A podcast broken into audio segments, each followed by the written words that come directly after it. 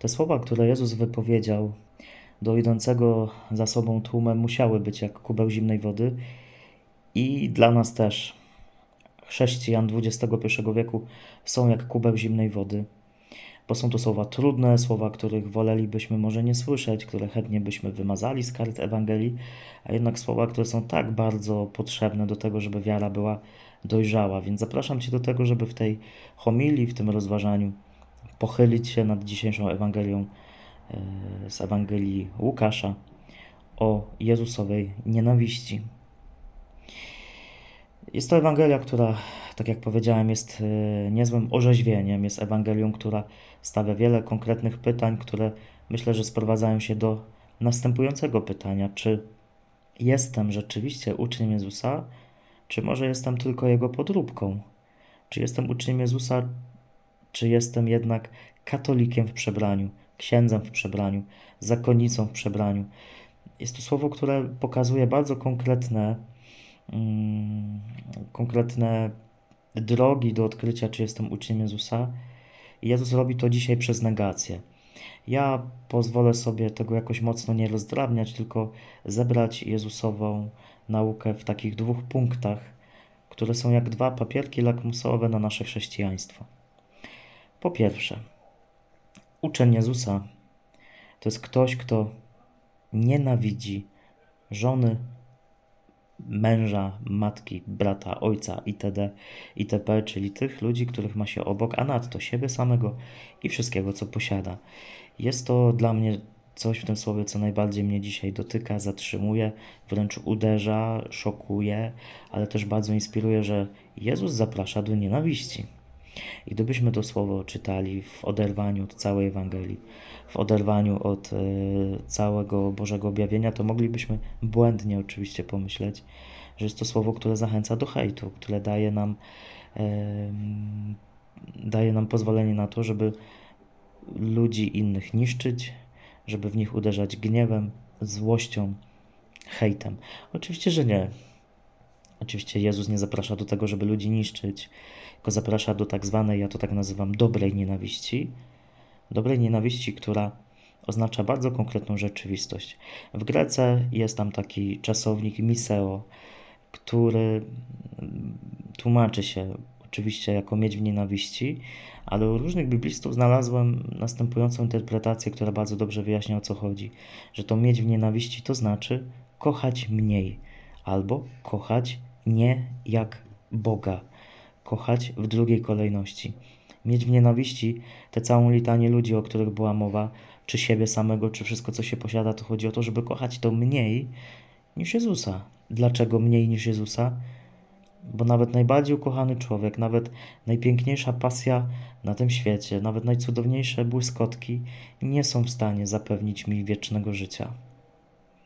Nawet najpiękniejsza, najukochańsza żona, przyjaciółka, przyjaciel, współbrat, y, idol, influencer, y, ksiądz nie są w stanie mnie zbawić. Jezus w tym wymaganiu pokazuje, że tylko On ma być Bogiem dla ucznia, ale nikt i nic poza tym, bo jeśli się robi z kogoś swoje bóstwo, to poza tym, że jest to po prostu bałwochwalstwo, to może to sprawić, że się obudzimy z ręką w nocniku i, i nasze, nasza wieczność no, może być z, dal, z daleka od Boga, bo tak się na Boga zamkniemy, no bo będziemy mieli już kogo innego. To jest bardzo mądra, bardzo dobra e, nienawiść, e, to, żeby kochać mniej. Żeby też, już tak trochę psychologizując, ale no Jezus był najlepszym i jest najlepszym psychologiem, żeby zobaczyć, że ludzie, którzy są w moim życiu, nie są w stanie wypełnić wszystkich moich potrzeb, wszystkich moich pragnień, moich ran, moich pustek, które w sobie noszę, że oczekiwanie, że ktoś to wszystko wypełni albo coś, jest po prostu, jest po prostu jedną wielką naiwnością. I nie ma co y, oczekiwać, że ktoś to wypełni. Cudowne, bardzo dla mnie inspirujące y, i bardzo, bardzo mm, popychające do konkretnej decyzji żeby Jezusa ciągle wynosić ponad wszystkich i ponad wszystko. Nie dlatego, że się innych nie kocha, ale dlatego, że się właśnie ich kocha. Bo myślę, że jak się kogoś kocha, to się z niego bożka nie robi. Nienawiść, do której Jezus wzywa, jest nie brakiem miłości do bliskich, jak i siebie samego, ale siłą uderzeniową więzy i zależności pomiędzy osobami, także i w samym sercu pojedynczej osoby, które są zniewoleniem, otępieniem, trwaniem w ciemności. Jezus oślepia wprost prawdą o najwyższej wartości bycia z Nim, przyjaźni i postępowaniu za Nim. Przekracza to jakiekolwiek inne miłości, które, gdy przeszkadzają w komunii z Jezusem, okazują się bałwochwalstwami. Nie możesz być uczniem Jezusa, a może inaczej, nie możesz się nazywać uczniem Jezusa, jeśli jakiś człowiek jest dla ciebie jak Bóg, jeśli jakaś rzecz, jakaś rzeczywistość są dla ciebie jak Bóg. Konkret. Po prostu konkret. I warto zobaczyć, e, czy tak w moim życiu nie jest i czy właśnie ktoś albo coś nie są moimi bożkami. E, druga rzeczywistość, drugi papierek lakmusowy i warunek bycia, bycia uczniem Jezusa to jest niesienie swojego krzyża.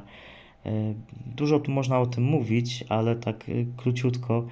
Po pierwsze, nie chodzi o cierpiętnictwo, o to, żeby robić z siebie ofiarę i szukać umartwień, cierpień i robić z siebie jedną wielką chodzącą ofiarę życiową. To nie o to chodzi. Krzyżem jest bardzo konkretna rzeczywistość, którą każdy z nas w sobie nosi. To całe badziewie, te różne trudy, tęsknoty, pragnienia, lęki, rany, nieprzepracowane jeszcze rzeczy, które ciągle się w nas odzywają, to jest konkretny krzyż. Nie trzeba krzyża szukać, bo każdy z nas już swój krzyż ma. Nie tylko ten fizyczny, ale przede wszystkim ten w naszym sercu. Uczeń Jezusa jest kimś, kto zgadza się na siebie, kto nie ucieka przed tym, co w sobie nosi, kto przyjmuje siebie takiego, jakim jest, po to, żeby siebie zmienić. Kto wpuszcza Boga do tego całego swojego wewnętrznego świata, po to, żeby Bóg to przemieniał. Nieść swój krzyż, to znaczy e, pozwolić Jezusowi zmieniać to, co w sobie noszę. Nieść swój krzyż to zanieść przed Jezusa wszystkie swoje biedy, wyzwania i trudy. Trud ucznia jest nie tylko walką z przeciwnikami zewnętrznymi, ale przede wszystkim z własnymi przyzwyczajeniami, upodobaniami, wyobrażeniami, nie mającymi nic wspólnego z Bożą wizją Królestwa, które nie jest z tego świata. Dźwiganie krzyża jest procesem, uczeniem się, nawracaniem. Dla przykładu, apostołowie dokonali u początku swojej przygody z Jezusem zdecydowanego pozostawienia swoich domów, miejsc pracy, bliskich ludzi, a jednak nie uchroniło to ich przed popadaniem w interesowność, małostkowość, wywyższanie się, pychę, tchórzostwo, spałość, brak ofiarności. Na szczęście uczeń Jezusa wspierany jest przez Niego samego.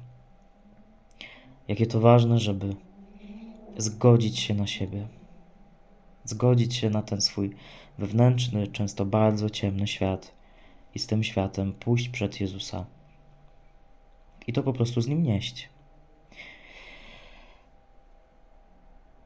To są trudne dzisiejsze słowa Jezusa, bo one z jednej strony kontrolują naszą wiarę i pokazują, że chodzi o to, żeby ciągle iść w głąb. Dzisiaj na e, kazaniach w parafii mówiłem, że można całą, całe życie stać po jednej czy po drugiej stronie ołtarza, a można w ogóle nie być uczniem Jezusa. Można być bardzo religijną osobą, a nie być w ogóle uczniem Jezusa to, to dramat, nie? Dramat, jeśli ktoś na koniec życia z nas e, właśnie coś takiego odkryje, więc póki, póki żyjemy, póki żyw, to bądź mądry, bądź mądra, mądrze ustawiaj Twoje relacje, ogarniaj swój wewnętrzny syf, bierz swój krzyż, idź po prostu do przodu. No i zamknę to pytaniem, od którego trochę zacząłem, czyli czy jestem uczniem Jezusa, czy tylko Jego marną podróbką?